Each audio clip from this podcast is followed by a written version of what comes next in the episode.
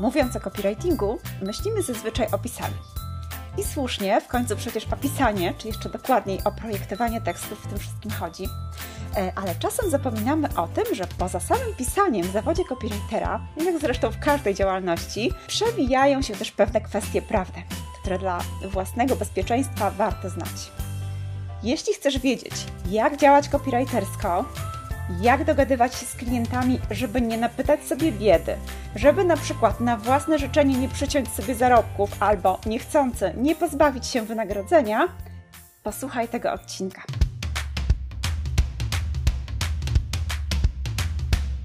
Cześć, tu Ewa Szczepaniak z tekstowni.pl, a to jest kolejny podcast z cyklu Kopilogika nie tylko dla laika. Tym razem porozmawiamy o logice prawnej w kopii. Moim gościem jest dziś pani Joanna Legun, pani adwokat, autorka bloga Jak zrozumieć prawnika. Pani Joasia zna dylematy copywriterów, bo od początku kursu Zostań copywriterem, czyli już właściwie od trzech lat, doradza raczkującym copywriterom w kwestiach prawnych. E, pani Joasia stworzyła też unikalny pakiet umowa dla copywritera, dostępny w naszym Copy Boutique. To jest coś wyjątkowego na rynku, z wzorami umów i szerokim omówieniem. Produkt bardzo chwalony przez osoby, które go mają, mogę powiedzieć, z pełną odpowiedzialnością. No cóż, jednym słowem, nikt lepiej niż Pani Joasia nie opowie nam o kwestiach prawnych w kopii. E, witam serdecznie Pani Joasiu i dziękuję, że przyjęła Pani zaproszenie. Dzień dobry, ja również bardzo dziękuję za zaproszenie i powiem Pani szczerze, że dobrze, że to jest podcast, bo e, tak to nie widać, jaka już jestem czerwona na wstępie od tych miłych słów na samym początku. To wszystko prawda. Kursanci dają znać, jak tam im się pakiet sprawdza i muszę powiedzieć, że same superlatywy. Jeszcze nie słyszałam złego słowa. Gdybym miała Pani, Pani Joasiu, tak żebyśmy miały jakiś punkt wyjścia, powiedzieć, co jest najważniejsze dla copywritera w kwestiach prawnych, jakieś takie najważniejsze zagadnienia, z którymi każdy copy powinien się zainteresować, to co by to było? Ja bym przede wszystkim powiedziała, że copywriterzy mają trudniej. E, dlatego, że e, każdy przedsiębiorca, który no, prowadzi swój biznes, e, musi znać się w takim podstawowym zakresie na umowach, po to, żeby zabezpieczyć swoje interesy.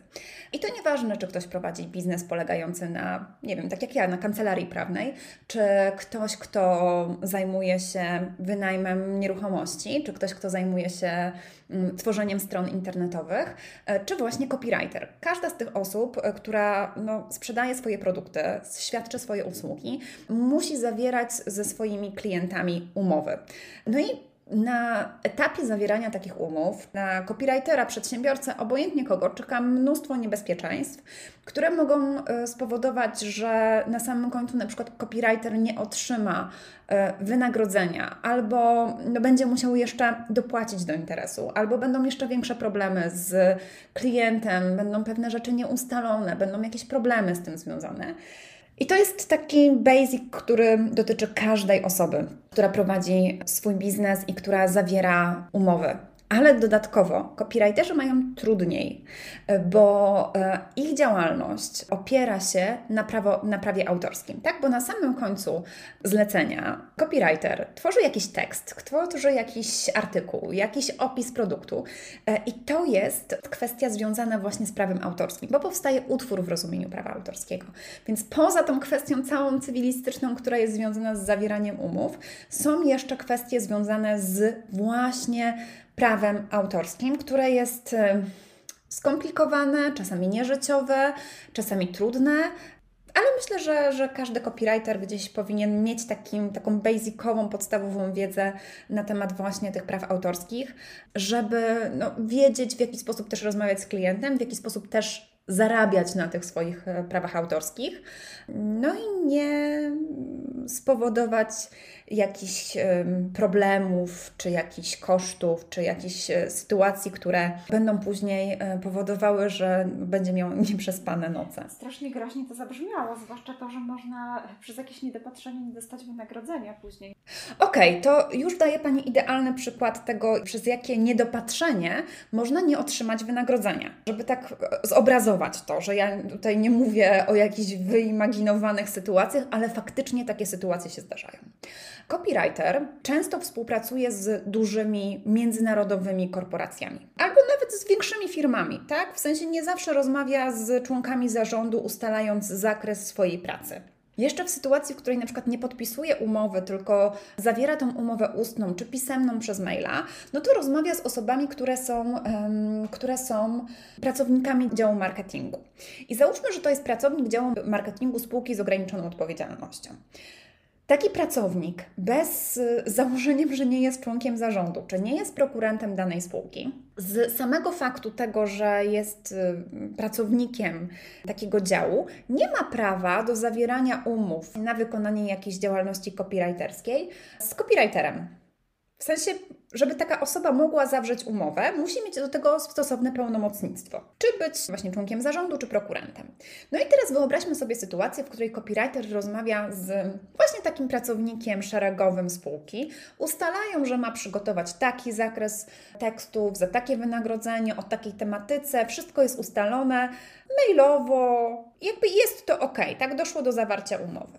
Natomiast czy osoba, z którą ten copywriter miał możliwość um, rozmowy i ustalił te wszystkie warunki, mogła zawrzeć w umowę w imieniu spółki, no, musiała mieć do tego osobne pełnomocnictwo. I teraz wyobraźmy sobie taką sytuację, że ta umowa jest realizowana, copywriter napisał wszystkie teksty, wszystko jest ok, ok. No i przychodzi czas do, do zapłaty wynagrodzenia. No i nagle okazuje się, że nie ma umowy z tą spółką, że członkowie zarządu mówią, ale my przecież nie zgodziliśmy się na, takie, na taką umowę yy, i nie wyraziliśmy zgody na to, żeby taką umowę w ogóle zawrzeć. No i w jakiej sytuacji jest teraz copywriter? Zgodnie z kodeksem cywilnym, taka umowa jest taką umową trochę kulejącą, czyli ważność tej umowy zawartej przez no, rzekomego pracownika, czyli pracownika tego działu PR, um, który zlecił um, copywriterowi wykonanie przedmiotu umowy, zależy od potwierdzenia tej umowy przez członków zarządu. No i teraz, jeżeli ci członkowie zarządu e, uprawnieni do reprezentacji spółki powiedzą, że nie, nie, no my tego nie zlecaliśmy, to jest w ogóle jakaś głupota, my tego nie chcieliśmy, no to w tym momencie nie mamy do czynienia z zawartą w sposób prawidłowy umową, copywriter nie ma prawa do otrzymania wynagrodzenia. Więc jeżeli zawieramy umowę, i to jest taka rzecz, która właśnie dotyczy wszystkich umów, nie tylko tych copywriterskich, ale umów generalnie na wszystko, to trzeba sprawdzić, czy zawieramy umowę z osobą do tego uprawnioną. Czy na przykład ten pracownik e, firmy ma pełnomocnictwo i poprosić go po prostu o przesłanie kopii pełnomocnictwa, z którego będzie wynikać, że ma on prawo do na przykład zawierania umów o dzieło na wykonanie właśnie tekstów reklamowych czy tekstów na bloga i wtedy jest wszystko ok. E, nie ryzykujemy tym, że ktoś nam później będzie próbował wykręcić się z tej umowy.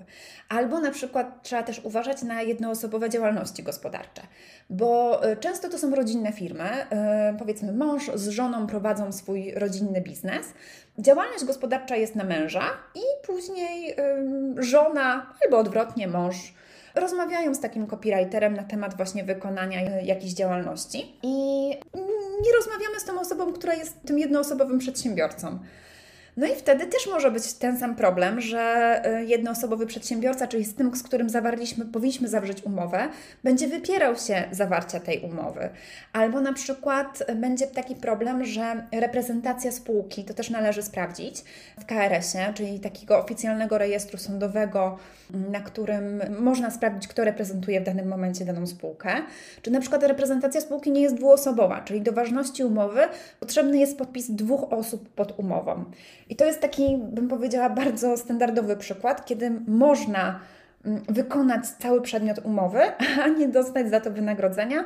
I powiem Pani szczerze, że nawet ostatnio, akurat nie w umowach copywriterskich, ale miałam kilka takich sytuacji, w których no, na etapie sądowym wyszło, że umowa została w sposób błędny zawarta, czy przez e, osobę, która no, nie była uprawniona do tego, czy przez e, pełnomocnika bez e, pełnomocnictwa, czy przez jednego członka zarządu zamiast dwóch. No i niestety taka umowa nie rodziła zapłaty wynagrodzenia, no była nieważna. Bardzo trudna sprawa dla freelancera, nie chciałabym się znaleźć w takiej sytuacji. No, dlatego to jest właśnie problem. Ilości rzeczy, na które trzeba zwrócić uwagę przy zawieraniu umów. I oczywiście może się zdarzyć tak, że jakby podpiszemy tę umowę, czy zawrzemy z tą osobą, która nie jest uprawniona do tego, ale jeżeli dostaniemy wynagrodzenie i wszystko będzie ok, to, to nie ma problemu. Problem pojawia się wtedy, kiedy mm, no, tego wynagrodzenia nie ma, albo na przykład klient jest niezadowolony z tego, co wykonaliśmy, i wtedy zaczyna kombinować i próbuje um, uchylić się od konieczności zapłaty wynagrodzenia. No i niestety takie się sytuacje zdarzają prostu, jak jest dobrze, to jest dobrze, tak? Tak, no umowy są na złe czasy, tak? Dzisiaj y, jest już godzina y, powiedzmy 10.07, jak nagrywamy ten podcast, a ja już dzisiaj miałam jeden taki telefon y, od klienta, który zawarł umowę bardzo ryzykowną dla siebie, bo jak tylko mi opowiedział o umowie, którą zawarł, to dla mnie to było wie Pani, wielkie oczy. Mówię, Boże, jaka trudna umowa i ile tam jest niebezpieczeństw, które czyhają na niego. I powiedział, że zawarł to na takim, a wziąłem jakiś wzór umowy z internetu, myślałem, że będzie ok. No wie Pani, no nikt nie przygotowuje się na złe czasy, że ktoś kogoś oszuka.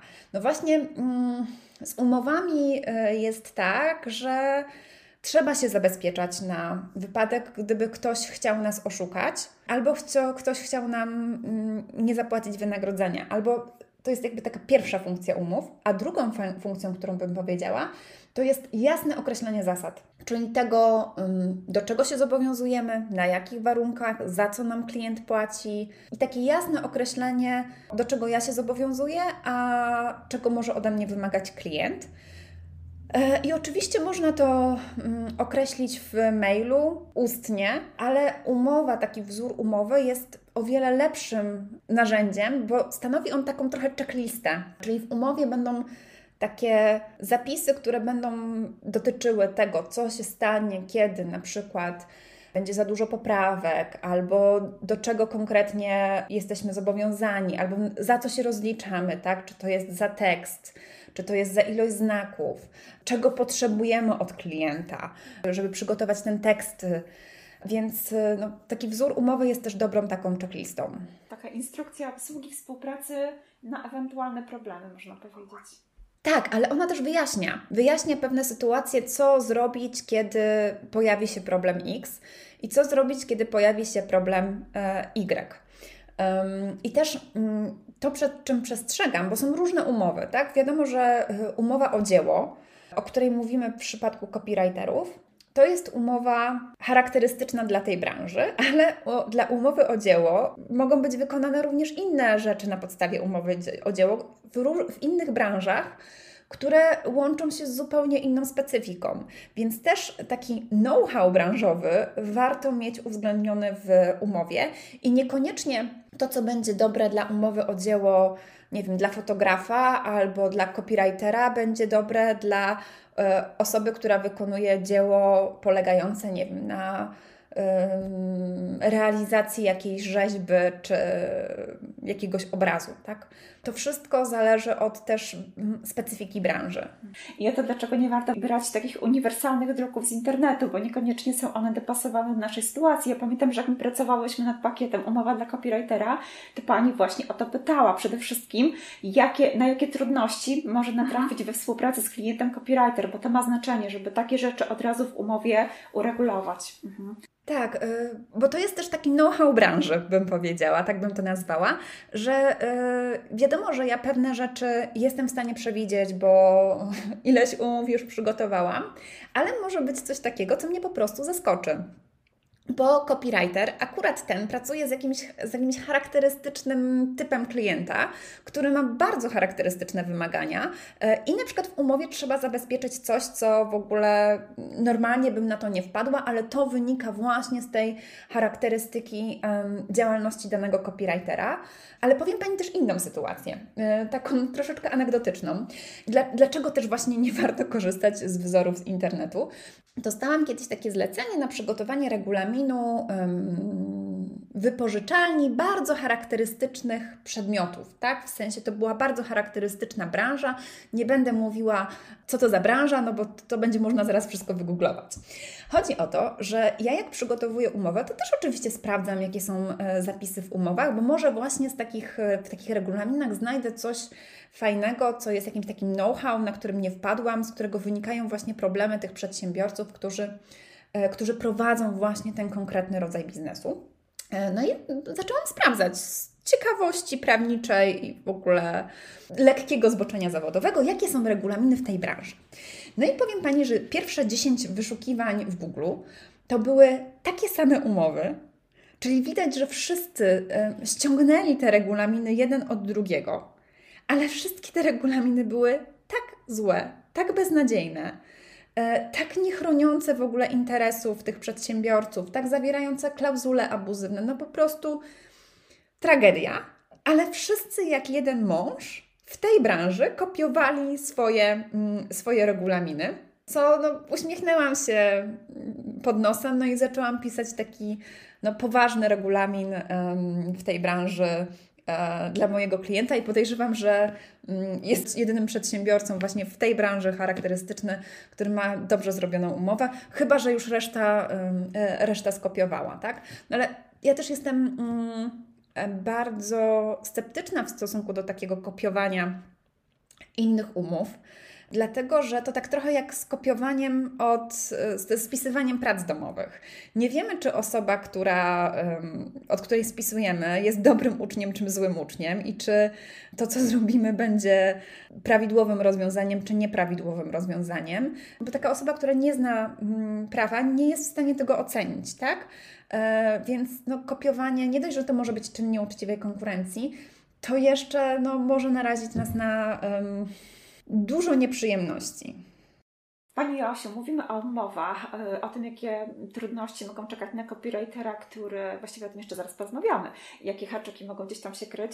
Natomiast e, zacznijmy może od takich podstaw. Jaką właściwie umowę powinien podpisywać copywriter? Czy to jest umowa o dzieło, a może umowa zlecenie, a może w ogóle jakaś jeszcze inna umowa? Um, jakaś, jest może jakaś taka umowa, która nazywa się umowa o świadczenie usług copywriterskich i ona nie jest ani umową o dzieło, ani umową o zlecenie. Widziałam też coś takiego e, gdzie osoba mi mówiła, że to absolutnie nie jest umowa o dzieło, to jest umowa o świadczenie usług copywriterskich. Jak Pani jako prawniczka na to patrzy? Okej, okay, to decyduje przede wszystkim przedmiot umowy. E, czyli mamy takie dwa porządki, które są bardzo często mylone. Porządek powiedzmy cywilistyczny i porządek podatkowy. Bo tak jak Pani nawet e, podczas tych naszych rozmów nad pakietem umów wspominała, że właśnie osoby, które nie prowadzą działalności gospodarczej, no to uważają, że umowa o dzieło tylko właśnie dla tych osób nieprowadzących działalności gospodarczej, a w momencie, w którym już ta osoba prowadzi działalność gospodarczą, to nie może zawierać umów o dzieło. Nie o to chodzi. Tak, mamy dwa porządki. Porządek cywilistyczny, czyli decyduje o tym przepisy kodeksu cywilnego, z jakim typem umowy mamy do czynienia, a mm, Druga kwestia to jest kwestia, jak to rozliczamy podatkowo. I to są dwie niezależne rzeczy. O tym, czy coś jest umową o dzieło, czy jest coś umową o świadczenie usług, decyduje przedmiot umowy. Czyli czy to sobie nazwiemy umową um, o świadczenie usług copywriterskich, czy umową copywriterską, czy umową o dzieło, to. Um, nie ma to tak wielkiego znaczenia, jak to, co jest w środku w tej umowie, tak? Czyli do czego się zobowiązała ta osoba do wykonania. I teraz tak, umowa o dzieło charakteryzuje się tym, że na koniec współpracy ktoś otrzymuje gotowy produkt. Tak, czyli to jest umowa rezultatu. Na samym końcu właśnie coś powstanie.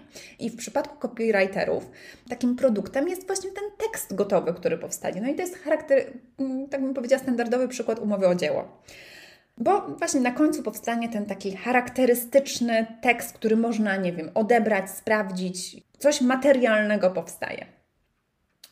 E, natomiast w przypadku umowy o świadczeniu usług, to ktoś nie zobowiązuje się do tego, że będzie, mm, że na samym końcu umowy powstanie jakaś rzecz czy coś, tylko że będzie w sposób staranny działał. E, I to jest ta główna różnica, która decyduje o tym, czy mamy umowę o świadczenie usług, czy umowę o e, dzieło. I to, do czego się zobowiązujemy, decyduje o tym. No i zdarzają się sytuacje, w których ta umowa przez ten bardziej skomplikowany przedmiot ma trochę z umowy o dzieło, a trochę ma o świadczenie usług, czyli jest takim typem mieszanym. I zdarzają się takie umowy, ale w przypadku wykonania tekstu copywriterskiego, ja bym powiedziała, że to jest przykład taki klasyczny umowy o dzieło. Czyli nie ma wątpliwości, tak? Co do tego, że copywriter podpisuje umowę o dzieło, nie ma co się bać, że za chwilkę wpadnie ZUS i powie, dlaczego tam nie było składek, bo w ogóle też to jest może umowa zlecenie. Nie. Jeżeli na samym końcu powstanie tekst, jakby taki fragment, rzecz, która jest, która jest gotowym wytworem, to nie ma, to moim zdaniem jest to umowa o dzieło i nikt nie powinien tego kwestionować. Mhm, super. E, I dobrze rozumiem, że jak najbardziej copywriter prowadzący działalność również podpisuje umowę o dzieło, bo spotkałam się z tym, że tak. przedsiębiorca twierdził, że absolutnie nie, to w ogóle nie, nie. To jest zupełnie nie. inna sprawa, tak? Yy, również osoby prowadzące działalność gospodarczą czy prowadzące działalność nierejestrowaną podpisują umowę o dzieło, bo o tym, czy to jest umowa o dzieło, czy nie umowa o dzieło, decyduje to, co jest jej przedmiotem, a nie to, w jaki sposób rozlicza się osoba, e, która ten przedmiot wykonuje. Jasna sprawa. Dobrze, mówiłyśmy troszkę już o tym, jakie pułapki czyhają na copywritera podpisującego umowę. Mówiła Pani o tym, że, że warto wiedzieć, z kim tę umowę w ogóle powinniśmy podpisać. Warto sprawdzić, czy osoba, z którą rozmawiamy, ma do tego pełnomocnictwo. E, mhm. Czy to jest jedyna pułapka, która czeka na copywritera podpisującego umowę, czy czegoś jeszcze trzeba się wystrzegać, na coś jeszcze trzeba szczególnie zwrócić uwagę? tych kwestii jest więcej. Mm, tak, ja bym powiedziała, że takiego zamkniętego katalogu tych sytuacji, które mogą się zdarzyć copywriterowi, na pewno nie stworzymy. Ale ja bym zwróciła uwagę na kilka kwestii. Po pierwsze na to, że jeżeli już podpisujemy umowę i określamy jakieś warunki współpracy, to się ich trzymamy. Oczywiście może się zdarzyć tak, że w trakcie współpracy zmienimy te warunki. Jest to ok, w sensie jeżeli jedna i druga strona jest, nie ma z tym problemu, to nie ma problemu, żeby takie warunki zmienić. W sytuacji, w której mamy umowę zawartą w formie pisemnej pod rygorem nieważności i zmiany umowy muszą być zawarte w formie pisemnej pod rygorem nieważności, to wtedy też trzeba sporządzić aneks. Więc uważajmy na takie sytuacje, w której podpisujemy umowy, zobowiązujemy się do jakichś rzeczy, e, do jakiejś procedury działania, a później ta procedura gdzieś odchodzi od tego, co jest zapisane. Jeżeli tak faktycznie się dzieje, to nie jest nic złego, tylko trzeba po prostu podpisać aneks, który zmieni nam e, warunki tej umowy. To bym powiedziała jako taka pierwsza rzecz. Druga rzecz to jest w sytuacji, w której faktycznie jest coś problematycznego z tą umową, jest coś problematycznego z klientem. E, I to często widzę mm, u osób, które do mnie dzwonią e, z problemem i, i zaczynają w ogóle ze mną w taki sposób rozmawiać, że mają taki i taki problem, jak to rozwiązać? I wtedy ja pierwsze co robię, odsyłam do umowy to ona decyduje o tym, e, co e, dzieje się w danej sytuacji, a jeżeli nie ma w niej zapisów, no to trzeba sprawdzić w kodeksie cywilnym w zakresie nieuregulowanym, co, co się dzieje w takiej sytuacji. Więc jeżeli mamy jakiś problem, to patrzmy właśnie na treść umowy, na to, co jest w tej umowie i e, sprawdzajmy tą kwestię. Kolejna rzecz, powiedziałabym, że niewystarczające określenie tego, w jaki sposób się rozliczamy z klientem. To jest szczególnie istotne przy mm, szczególnie sprawia dużo problemów początkującym copywriterom, którzy jeszcze nie do końca wiedzą, w jaki sposób wyceniać swoją pracę, a yy, zdarzają się sytuacje, w których no, nie wiem, tekst jest dłuższy niż początkowo zakładaliśmy, klient dorzuca jakieś większe uwagi, no i ten projekt zaczyna nam się robić po prostu nierentowny. E, więc trzeba też to w sposób prawidłowy określić w umowie, tak żeby klient też wiedział, że jeżeli na przykład zwiększy się ilość znaków, czy zwiększy się, zwiększą się jakieś wymagania, czy rozszerzy zakres e, umowy, no to wtedy to wynagrodzenie będzie odpowiednio wyższe tak ma Pani rację, że początkujący copywriterzy mają z tym problem, przy czym ja mam takie wrażenie, że to często, e, może raz rzeczywiście wynika z tego, że nie za bardzo wiedzą jeszcze jak wyceniać, ale to jest często też taki strach, jak klient zareaguje, jak ja powiem. W ogóle niektórzy się boją powiedzieć klientowi, że mają jakąś umowę do podpisania, żeby wszystko było na mailu, no przecież tam, no bo może się obrazi, że ja mu nie ufam, czy coś, e, a już e, tak jak Pani mówiła o tym, że warto zapytać, czy ta osoba ma pełnomocnictwo do podpisywania umowy, obawiam się, że nie wszyscy mieliby do tego odwagę. Naprawdę, jak sobie przypomnę siebie z dawnych czasów, chyba nie miałabym odwagi. No i trzecia rzecz, e, to jest też taki problem, o którym cały czas akurat teraz rozmawiam z kursantami z obecnej edycji, e, że jeżeli się pojawiają jakieś trudności, typu okazuje się, że tej pracy jest więcej, że to jednak będzie mm. wymagało więcej zaangażowania, żeby to na bieżąco komunikować. Nie wszystko też przewidzimy na początku, prawda? Natomiast na bieżąco komunikować i z tego, co Pani mówi, być może wprowadzić aneks do umowy ale jednak tak. zadbać o to, żeby to wszystko formalnie było uporządkowane. Mhm. E, I też przestrzegam przed jednym rodzajem wynagrodzenia. Jest tak zwane wynagrodzenie ryczałtowe. Przyjmijmy tak, copywriter zobowiązał się do stworzenia tekstów na stronę internetową, tak? I w umowie nie jest określone, ile tych tekstów ma być, jakiej długości, ale wpisał wynagrodzenie w wysokości powiedzmy 2000 zł. No i jest to wynagrodzenie ryczałtowe za zakres nie, wi nie wiadomo jaki i tych tekstów może być trzy, mogą, może być ich pięć, ale może ich być również 55. Więc przed takimi problemami ostrzegam, żeby wpisywać wprost, za co mamy wynagrodzenie, tak? Czyli, że na przykład będzie to x tekstów o długości takiej i takiej, z taką i taką tematyką, e, że w przypadku, w którym e, klient nam zaczyna mówić o innych tekstach albo rozszerzać przedmiot umowy, no to wtedy pokazujemy, że zobowiązaliśmy się do tego, tego, tego, tego, no i rozszerzamy zakres, no to również rozszerzamy moje wynagrodzenie za to. Myślę, że to na samym początku no, copywriterzy mogą czuć się lekko yy, tacy nieśmiali, nie wiedząc jak do tego podejść, ale moim zdaniem, i to też ja wielokrotnie słyszałam od moich klientów, którym przygotowywałam umowy, że jeżeli oni wysyłają tak dobrą umowę, taką yy, dobrze sformatowaną, yy, profesjonalną, to zyskują w oczach swoich klientów, bo oni widzą, że mają do czynienia z osobą, która się tym zawodowo zajmuje i wie, w jaki sposób no, w ogóle podejść do tego. I moim zdaniem zawieranie umów w formie takiej pisemnej, e, czy, czy w ogóle przesyłanie wzorów umów, jest to standardowe działanie i nie ma co mm, jakoś się tutaj e, bać co do tego. No po prostu trzeba to robić. Jest to element naszej działalności i jeżeli ktoś chce no, prowadzić działalność i też taką działalność, która jest właśnie indywidualna, czyli za każdym razem zawieramy umowy z innym klientem, no to podstawą jest y, y, zawarcie umowy i bym powiedziała, że to jest nawet bardzo profesjonalne.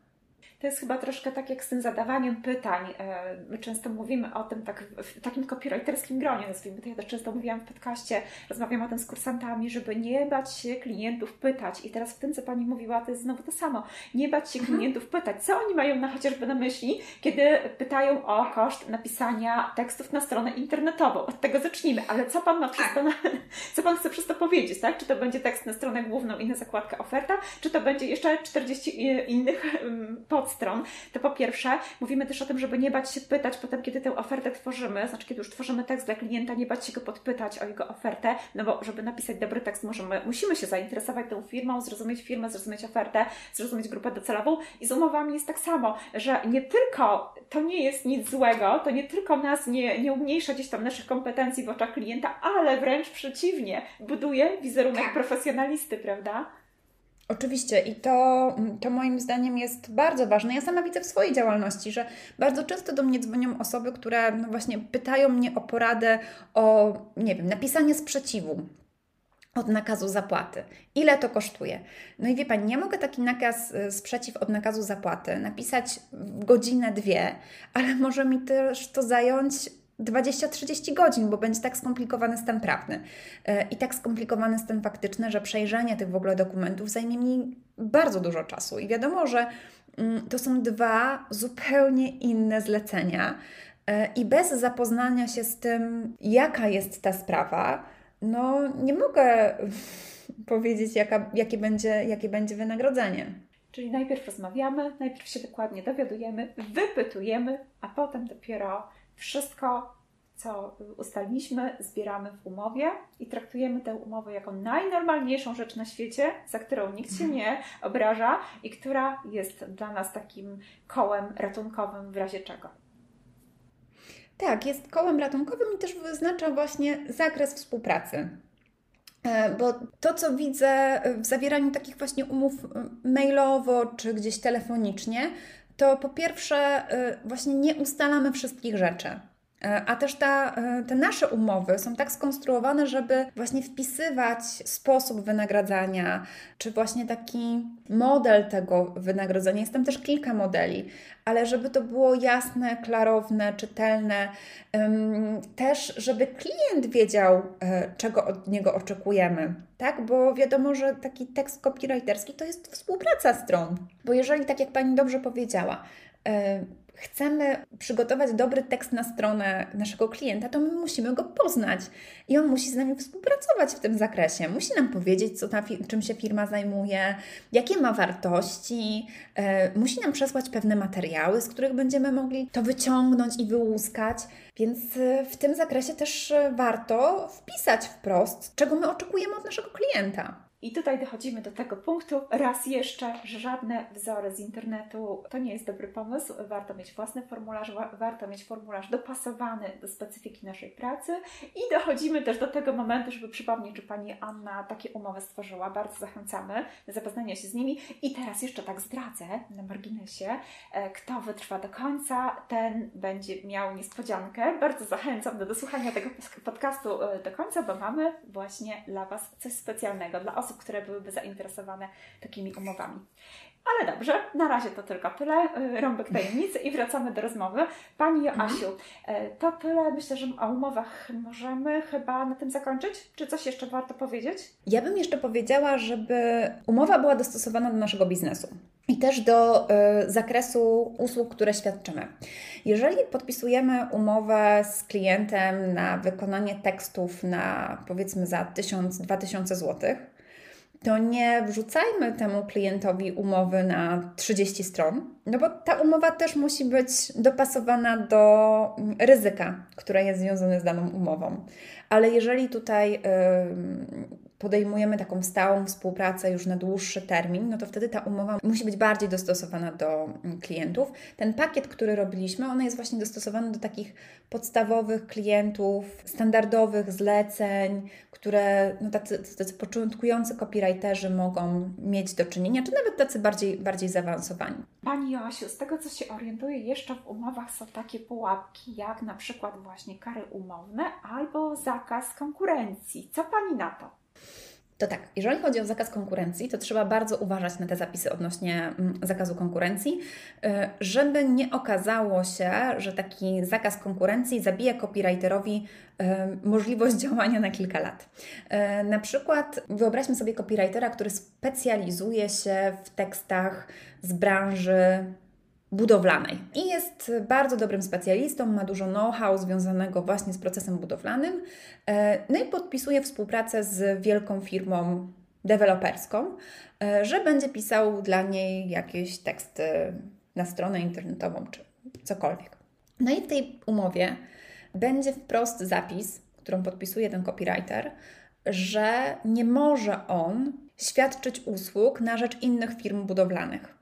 To jest zapis, na który taki copywriter nie powinien sobie pozwolić i yy, nie powinien się na niego zgodzić, dlatego że to zabije mu możliwość współpracy z innymi podmiotami i możliwość współpracy, w ogóle zarabiania pieniędzy w inny sposób. Więc trzeba uważać, czy przypadkiem ten zakaz konkurencji, który mamy wpisany w umowie, który zakładam, że też pochodzi od naszego kontrahenta, no bo copywriterowi ten zapis nie jest zawsze na rękę, nie ogranicza naszej działalności. Natomiast jeżeli chodzi o kwestie kar umownych, to kara umowna jest to e, taki rodzaj sposobu dyscyplinowania jednej czy drugiej strony, e, który polega na tym, że w przypadku, w którym ktoś czegoś nie wykona, bo to też ważne, że to nie jest kary umownej, nie można zastrzec na wypadek niezapłacenia w terminie, bo to tylko na wypadek właśnie takich zobowiązań niepieniężnych musi copywriter zapłacić pieniądze lub na przykład musi e, klient zapłacić pieniądze. Tak? I te kary umowne można zastrzec zarówno na rzecz jednej strony, jak i drugiej strony. Na przykład może być w umowie taki zapis, że jeżeli copywriter nie dostarczy tekstu w terminie umówionym, no to za każdy dzień opóźnienia zapłaci tyle i tyle pieniędzy. Ale może być też taka opcja, że to y, jeżeli klient nie dostarczy materiałów copywriterowi, to będzie musiał zapłacić copywriterowi taką i taką kwotę pieniędzy. E, ja bym powiedziała, że no, Kary umowne są jak każde narzędzie zawarte w umowie. Tak, w sensie one mają dyscyplinować copywritera czy klienta do przedstawienia umów. Można się na nie zgadzać lub nie można się na nie zgadzać. Jeżeli miałabym taką jedną poradę dać copywriterowi na temat takich zapisów odnośnie kar umownych na wypadek y, właśnie nieoddania tekstu w terminie, to żeby y, zwrócił uwagę, żeby w umowie był zapis za opóźnienie za zwłokę, a nie za opóźnienie. Bo opóźnienie to jest, mimo że pewnie copywriter będzie się tutaj uważał, że to są synonimy, opóźnienie i zwłoka, natomiast e, w moim świecie to nie są synonimy. E, opóźnienie jest to taka sytuacja, w której każdym, za każdym razem nie dotrzymuję terminu. Czyli miałam coś zrobić na poniedziałek, zrobiłam na wtorek, za każdym razem jest to opóźnienie. E, natomiast zwłoka jest tylko w sytuacji, w której y, jest to zawinione opóźnienie, tak? Czyli miałam coś wykonać w poniedziałek, wykonałam we wtorek, bo źle rozłożyłam pracę, bo poszłam sobie na spacer zamiast pracować y, i no nie zrobiłam tego w terminie. A y, na przykład, gdybym mm, na przykład z boku nie będzie sytuacja, w której dobrze miałam wykonać coś w poniedziałek, ale wykonałam we wtorek, bo na przykład się rozchorowałam i trafiłam do szpitala i nie mogłam tego wykonać w tym terminie. Więc jeżeli już copywriter zgadza się na zapłatę mm, kar umownych za niedotrzymanie terminów, to żeby pilnował, żeby to było zawsze za zwłokę, czyli za takie zawinione opóźnienie e, w niedotrzymaniu terminów. To prawda, że taki szary copywriter nie wie, jaka jest różnica między zwłoką i opóźnieniem. Ja się tutaj biję w piersi. Pamiętam, że jak pracowałyśmy nad e-bookiem, to ja tam pani sugerowałam, że może to byśmy zmieniły, to tak ładniej będzie brzmiało. Tak bardziej profesjonalnie. Ta zwłoka jest taka... No tak, brzmi mało przyjaźnie, powiedzmy, tak bardzo formalnie, prawda? No ale okazuje się, że akurat w kwestiach prawnych takie niuansiki, o których tak. szary człowiek nie ma, nie ma pojęcia, mają znaczenie. Tak, tak. E, no niestety akurat ten przykład ze zwłoką i opóźnieniem jest bardzo, bardzo charakterystyczny. No i później um, może być bardzo kosztownym błędem. Warto też zwrócić uwagę, żeby te kary umowne nie były za wysokie, czyli żeby to nie było, nie wiem, 10% wartości kontraktu za um, każdy dzień opóźnienia i żeby na przykład można było je limitować do jakiejś wysokości, tak? Czyli na przykład do wysokości 10-15% wartości umowy. E, jeszcze Pani Joasiu, tak mi się teraz przypomniała sytuacja, którą sama kiedyś miałam. E, to dotyczyło chyba Umowa o poufności, jeszcze coś takiego jest, prawda? Zapisy, Aha. chyba też takie zapisy o poufności mogą się znaleźć, proszę mnie poprawić, jeżeli źle mówię, w normalnej umowie. Ja miałam kiedyś z kolei taką bardzo dziwną sytuację, kiedy współpracowałam z klientem kilka lat Współpracowało się powiedzmy w miarę dobrze, bardzo intensywnie, w miarę dobrze. E, natomiast przyszedł taki moment, kiedy postanowiłam tę współpracę yy, zakończyć, i wtedy dopiero dostałam do podpisania umowę o poufności z jakąś w ogóle gigantyczną karą i nie wiedziałam, co mam z tym zrobić. Ona tak jakby była do podpisania wstecz, to takie miałam wrażenie, nie? Bo ja mówię, kończymy współpracę, był powiedzmy grudzień, jak on, ja mówię, że od stycznia już nie współpracujemy, dziękuję bardzo i oni mi w tym momencie podsyłają taką umowę. Zaczęłam czytać w internecie, to było dawno, dawno temu, jeszcze się nie znałyśmy, więc nie mogłam Pani zapytać. E, zaczęłam czytać w internecie i gdzieś tam się dowiedziałam, że no bo w ogóle bardzo trudno jest potem udowodnić, że się rzeczywiście, właściwie to oni mi, gdyby, gdyby coś tam było takiego, takie podejrzenie, że ja e, coś gdzieś powiedziałam, czego nie powinnam była mówić, no to Oni muszą mi to oczywiście udowodnić, ale ja też y, gdzieś tam powinnam się umieć wybronić i to niekoniecznie będzie takie proste, lepiej na takie zapisy uważać. Jak Pani to widzi jako prawniczka? Czy takie umowy, tak trochę wstecz można powiedzieć, tak na zakończenie współpracy warto jeszcze sobie brać na głowę, czy już dobrze zrobiłam, że nie podpisałam. E, to, że mm, otrzymała Pani taką umowę na sam koniec współpracy, świadczy o wybitnym nieprofesjonalizmie osoby, z którą Pani współpracowała, bo taką umowę powinno się podpisać na samym początku. E, wiadomo, że jeżeli taka umowa jest podpisana na samym końcu, w sytuacji, w której Pani odchodzi, no to mm, co Pani zrobią w momencie, w którym Pani takiej umowy nie podpisze? Więc po pierwsze, od strony tej osoby, która podpisywała z Panią umowę, no, powinna to zrobić na samym początku. Pewnie jak Pani powiedziała, że um, kończy Pani współpracę, to wtedy komuś się przypomniało, Boże, nie podpisaliśmy umowy nie zachowaniu poufności. No i stąd propozycja zawarcia takiej umowy. I faktycznie umowy o zachowaniu poufności są bardzo trudno dowo trudne dowodowo. W sensie trudno jest udowodnić komuś, że przez um, ujawnienie jakiejś informacji naraził y, tą firmę na szkodę. A jeszcze wykazanie wysokości szkody no jest bardzo ciężkie dowodowo no, jest to bardzo trudne. Dlatego zawiera się takie umowy właśnie z wysokimi karami umownymi, które też kary umowne zawsze można miarkować, czyli żądać ich obniżenia, e, no ale też wykazania, że Pani jakąś um, informację ujawniła. No i teraz copywriterzy bardzo często tworzą teksty, które będą publikowane. Więc te informacje, które się, o których się dowiadują od swojego klienta, często one są po to, żeby publikować te informacje. Więc jeżeli coś jest opublikowane i jest jawne i każdy może y, mieć do tego dostęp, to nie jest to żadna informacja poufna. Taką informacją poufną może być jeszcze sytuacja, w której na przykład pracujemy nad jakąś kampanią, która jest top secret y, i przed w ogóle ujawnieniem tej informacji nie można, y, publikacją całej tej kampanii nie można ujawnić tej informacji, no bo to będzie źle widziane no to wtedy jest sens gdzieś zawierania tych umów, umów o zachowaniu poufności. Mam po prostu też wątpliwości, na ile y, copywriter z racji właśnie takiej zakresu i charakterystyki swojej współpracy ma do czynienia z takimi informacjami, które no, są faktycznie tak tajne, tak poufne, że nikt o nich, o nich nie wie. Z takimi umowami, no ja bym radziła być bardzo ostrożnym e, z podpisywaniem, negocjować wysokość kar umownych, no i też bez sensu jest je podpisywać, myślę, że już na sam koniec umowy. Czyli dobrze zrobiłam, bardzo się cieszę. Zresztą nigdy nie miałam co do tego wątpliwości, a tak na marginesie powiem, co takiego może wiedzieć copywriter.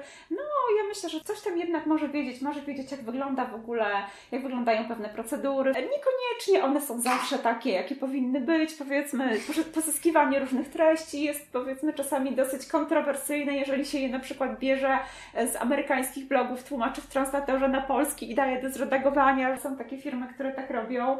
E, w tym przypadku akurat e, firmy, z którą współpracowałam, to też była firma. Do tej firmy zgłaszali się celebryci. Ja wiedziałam, jakie to są osoby i po co one tam przychodzą. Także tutaj akurat rzeczywiście, gdybym chciała, to miałabym coś do powiedzenia. No ale Aha. tak krótko, e, żeby było wiadomo, że jednak czasami tak jest, że copywriter coś tam wie, co niekoniecznie jest tak chętnie rozgłaszane. Dobra. Pani Joasiu, powiedziałyśmy o umowach, o różnych pułapkach, które się w tych umowach mogą kryć.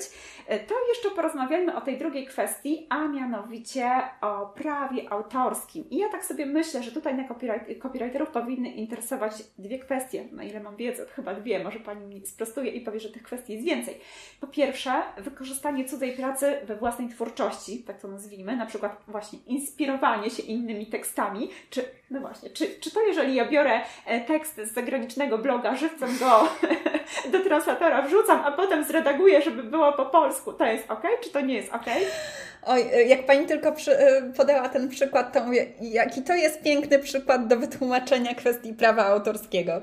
No oczywiście, że nie jest to ok, yy, dlatego że no, jest to utwór zależny, tak? Czyli wzięliśmy czyjś tekst yy, i przetłumaczyliśmy go na język polski, i podpisywaliśmy, podpisaliśmy swoim imieniem. No tak jakbyśmy, nie wiem, wzięli czyjąś książkę napisaną po angielsku, przetłumaczyli ją na język polski, zredagowali, żeby się dobrze czytało i podpisali swoim imieniem i nazwiskiem. No ewidentnie jest to e, naruszenie praw autorskich i takich rzeczy nie można robić. To, co można zrobić, to to na przykład użyć cytatu, tak? Czyli wskazujemy, że mm, w tym artykule był właśnie fajny cytat, cytujemy go tak, żeby nie było wątpliwości, że to jest cytat, e, a nie po prostu bierzemy e, fragment e, tego artykułu jako nasz fragment artykułu. No i jeżeli cytujemy, no to oczywiście też wskazujemy źródło, mm, źródło cytowania i w takim zakresie jest to ok, pod warunkiem, że to, to też nie jest jakiś cytat, który polega na tym, że już idziemy do absurdu, ale ten absurd też dobrze Państwu pokaże, na czym to polega. Tłumaczymy angielską książkę, całość, nie wiem, 200-300 stron. Na samym początku e, tekstu wrzucamy, że a teraz będę cytował książkę. Otwieram e, cudzysłów, e, wrzucam tekst 200-300 stron książki, na samym końcu koniec cytatu i uznajemy, że no nie, naruszyliśmy, nie naruszyliśmy niczyich praw autorskich, bo to był cytat. Nie no, to jest zdecydowanie więcej niż cytat i to jest no, naruszenie praw cytatu, więc jeżeli korzystamy nie wiem, z kilku zdań, to jest to ok, ale nie możemy wykorzystywać całości utworu. No właśnie, i tutaj Pani przypomniała mi taki przypadek, w którym zresztą pyta, pisałam do Pani z tym pytaniem.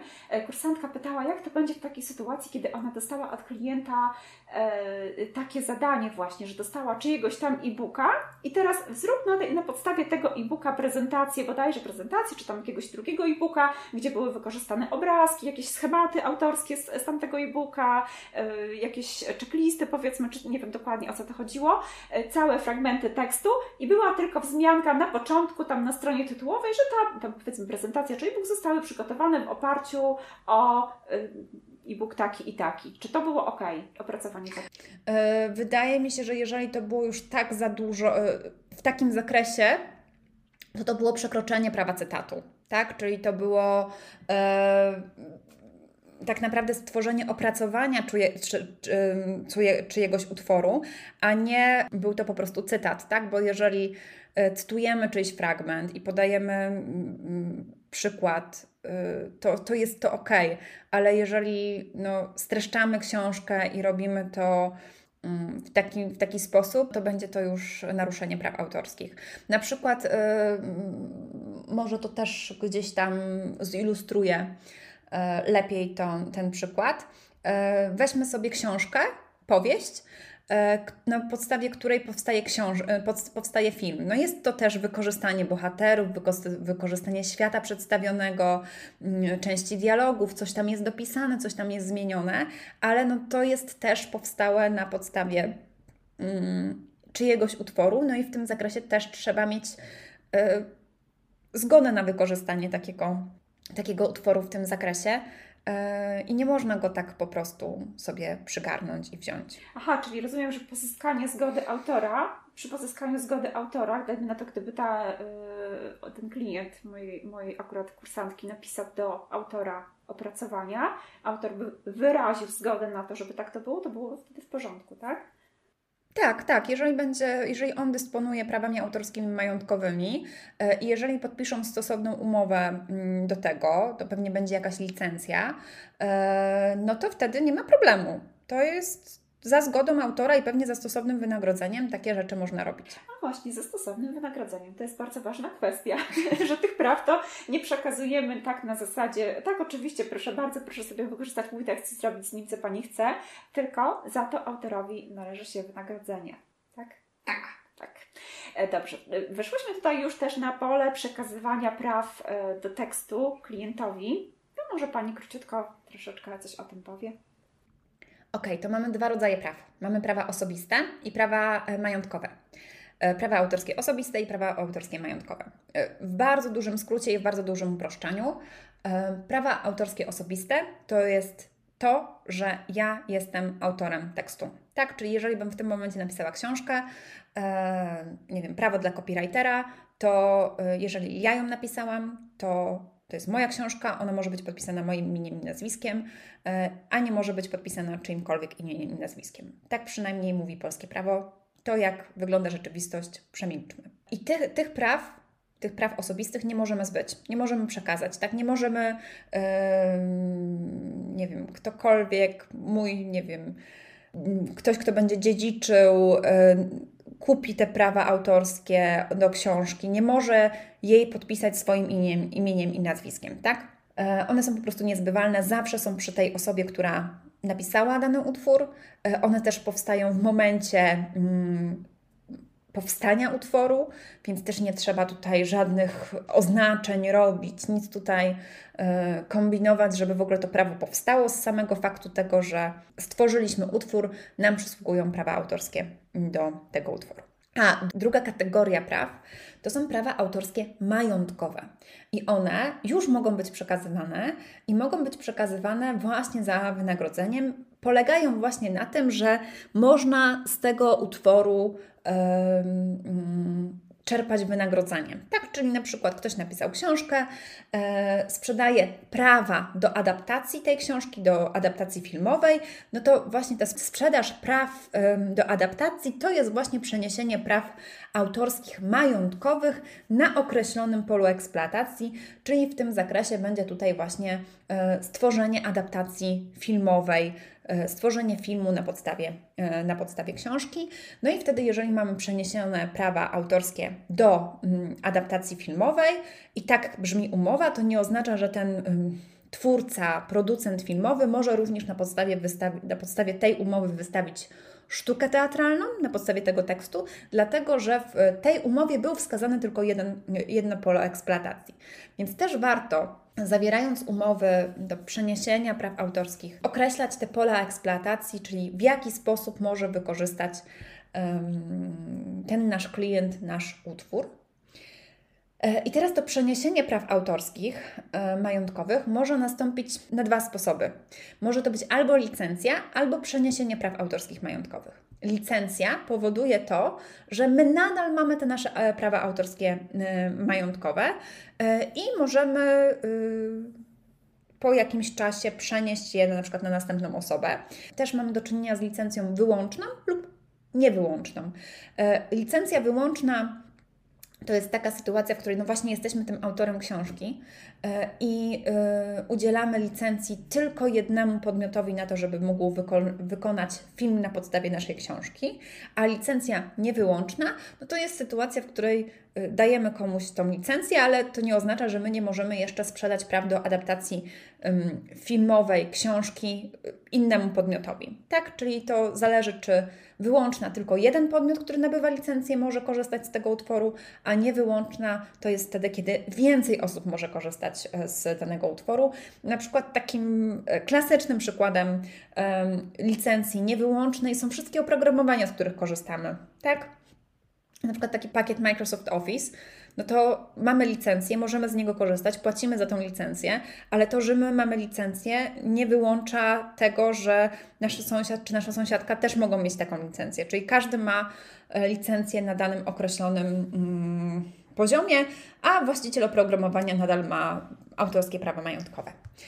Więc pierwsza opcja to jest licencja, a druga opcja to jest przeniesienie praw autorskich majątkowych, czyli tak trochę też w dużym uproszczeniu, jak sprzedaż domu. Tak, czyli mam swoje prawa autorskie je przekazuję drugiej osobie i już tych praw autorskich na danym polu eksploatacji e, na danym polu eksploatacji nie mam, czyli tak właśnie jak mówiłam z dużym uproszczeniem, licencja to jest trochę wynajem mojej, mojego mieszkania, które posiadam, a przeniesienie praw autorskich majątkowych to jest sprzedaż mieszkania, które posiadam. I czy ta, to przeniesienie praw autorskich powinno być jakoś uregulowane w umowie? Znaczy, czy możemy to właśnie chociażby w umowie o, dzieło, o dzieło umieścić, czy możemy się po prostu dogadać ustnie, napisać sobie w mailu? Jak to wygląda? Jakieś, jakieś hmm. formalne oświadczenie trzeba spisać, że niniejszym przekazuje prawa autorskie, jak Pani to widzi? To y, zależy. Ja zawsze polecam, żeby spisać to przeniesienie praw autorskich, żeby w ogóle te kwestie praw autorskich i licencji wyłącznej, niewyłącznej spisywać. Ale tutaj czy, czyha się czyha bardzo duży mm, haczyk, mianowicie przeniesienie praw autorskich majątkowych lub udzielenie wyłą- licencji wyłącznej musi być w formie pisemnej pod rygorem nieważności. Czyli yy, nie przeniesiemy skutecznie praw autorskich majątkowych, czy nie udzielimy licencji wyłącznej. Yy, jeżeli na przykład zawrzemy umowę mailowo albo ustnie, albo, co jest bardziej podchwytliwe, e, jeżeli e, na przykład podpiszemy umowę, ale wymienimy się tylko skanami podpisanej umowy, bo skan podpisanej umowy nie jest e, zachowaniem formy pisemnej pod rygorem nieważności. Do zachowania właśnie takiej formy musimy się pod, wymienić podpisanymi egzemplarzami umowy. Tak, czyli ja podpisuję umowę, daję ją Pani, a Pani e, też ten podpisany egzemplarz umowy mi oddaje. I wtedy mamy do czynienia z zawarciem umowy w formie pisemnej pod rygorem nieważności. Więc trzeba właśnie pilnować, żeby te, um, jeżeli copywriter E, udziela licencji wyłącznej na dany tekst lub przenosi prawa autorskie majątkowe, to wtedy musi ją zawrzeć taką umowę w formie pisemnej pod rygorem nieważności. bo inaczej to będzie nieskuteczne.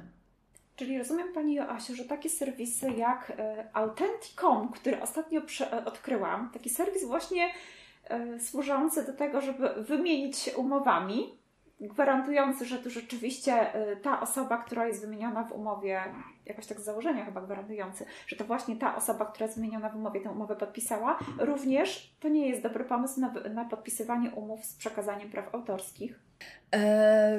wydaje mi się, że Sprawdźmy za każdym razem regulamin takiego, mm, takiego portalu, który nam umożliwia zawieranie takich umów, bo równoznaczn, równoznacznie z, równoznacznym z zachowaniem formy pisemnej pod rygorem nieważności jest, jest podpis elektroniczny. Tylko ten podpis elektroniczny to nie jest ten właśnie skan umowy, którą podpisujemy, tylko to jest taki kwalifikowany podpis elektroniczny. Więc możliwe, że mm, takie portale dają nam możliwość zawierania umowy w formie pisemnej pod rygorem nieważności właśnie przy pomocy tego um, podpisu elektronicznego i wtedy jest ok, wtedy mamy do czynienia z zawarciem tej umowy w formie e, pisemnej pod rygorem nieważności, czyli w formie elektronicznej, bo one są równoważne i wszystko jest ok. Natomiast nie zawsze te pakiety, które są w danych w danych serwisach, właśnie one dają nam taką możliwość zawarcia umowy w formie E, w formie pisemnej. Jest to najczęściej forma dokumentowa, mm, czyli właśnie takie e, niepisemna, ale wynikająca właśnie z kodeksu cywilnego forma dokumentowa. I ona też jest w porządku, jeżeli zawieramy umowę o dzieło. E, tylko właśnie problem jest z tym przeniesieniem praw autorskich czy udzieleniem licencji wyłącznej. Jeżeli udzielamy licencji niewyłącznej w naszej umowie, to nie ma problemu, można y, wtedy zawierać takie umowy za pomocą Autenti czy innych, y, innych takich portali, ale jeżeli mamy tutaj umowę z przeniesieniem praw autorskich czy udzielenie licencji wyłącznej, to wtedy polecam sprawdzić regulamin, czy takie podpisanie umowy jest jednoznaczne z tą formą pisemną pod rygorem nieważności, czyli jest y, zawarte z podpisem elektronicznym. Pani Asiu, e, na koniec oczywiście jeszcze tradycyjne pytanie. Gdzie może Panią znaleźć copywriter, który będzie potrzebował pomocy, na przykład przy skonstruowaniu umowy, albo będzie miał jakiś inny dylemat, przy, chociażby przy współpracy z klientem i będzie potrzebował e, porady prawnej? E, to przede wszystkim można znaleźć mnie w internecie pod adresem jak zrozumieć prawnika. To jest moja strona internetowa, w które, na której dzielę się e, swoją wiedzą, piszę artykuły, e, ale też e, tam znajdują się dane moje kontaktowe.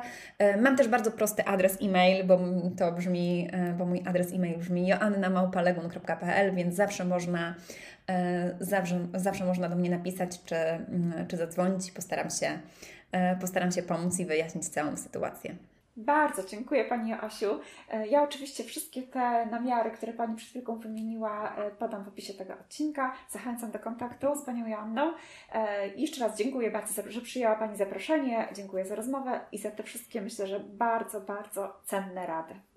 Ja też e, e, bardzo dziękuję. Mam nadzieję, że trochę wyjaśniłam kwestii prawnych e, i że przyczyniłyśmy się tutaj do zwiększonej świadomości tego, gdzie mogą czyhać właśnie jakieś haczyki i niebezpieczeństwa na copywriterów. I przede wszystkim proszę nie bać się zawierać umów, nie bać się prosić o pełnomocnictwo, nie bać się dobrze wyceniać swoich usług i mówić, że E, czasami po prostu klient chce więcej niż na co się pierwotnie umawialiśmy i Państwo będą chcieli dodatkowego wynagrodzenia i to jest normalne, to jest taka zdrowo rozumiana pewność siebie w biznesie. Zgadzam się. Bardzo dziękuję. I to już wszystko w tym odcinku. Tak jak obiecałam pod nagraniem, podaję Ci namiary do Pani Joasi, a teraz jeszcze wspomniana niespodzianka. E, tak jak mówiłyśmy podczas rozmowy, mamy w Kopii Butiku pakiet umowa dla copywritera przygotowany przez panią Joannę. Jest to wzór umowy opracowany specjalnie pod specyfikę projektowania tekstów dla klientów. To nie jest pakiet dla korektora, to nie jest wzór umowy dla fotografa, czy w ogóle dla każdego freelancera. Nie, to jest tylko dla copywritera. Oprócz umowy w tym pakiecie jest też wzór aneksu, przykładowo wypełniona umowa, przykładowo wypełniony aneks oraz, i to jest taka wisienka na torcie, obszerne, ponad ponad 30-stronicowe omówienie w formie e-booka. E, pani Joanna tłumaczy w nim, co i jak w tej umowie można sobie zmienić, e, a co musi w niej zostać, bo nawet jeżeli zmienimy, to będzie to po prostu nieważne. Niespodzianka jest taka, że od teraz do 15 czerwca ten pakiet można sobie zgarnąć z, uwaga, 20% zniżką, czyli po takiej cenie, jaką zazwyczaj mamy wyłącznie dla uczestników kursu Zostań copywriterem. Bardzo polecam i naprawdę bardzo zachęcam. Tak jak mówiłyśmy, jak jest dobrze, to jest dobrze, ale jeśli zaczynają się kłopoty, no to cóż, myślę, że przyznasz mi rację, że warto mieć wtedy taką instrukcję postępowania według własnych zasad, a nie według tego, co nam narzuca druga strona, albo co nie daj Boże napisała jakaś nieznana osoba o nieznanej wiedzy i na nieznany temat w internecie. Tradycyjnie zapraszam Cię również do odwiedzenia wszystkich naszych miejsc, e, do grupy tekstowni na Facebooku. E, to jest grupa, w której możesz zapytać o wszystko, co związane z kopii. E, możesz poznać ludzi takich jak Ty. Zapraszam Cię również na stronę tekstowni.pl, gdzie czeka na Ciebie bogata baza wiedzy, kursy, gratisy, jednym słowem, czego tylko kopii potrzebuje. Do zobaczenia i do usłyszenia.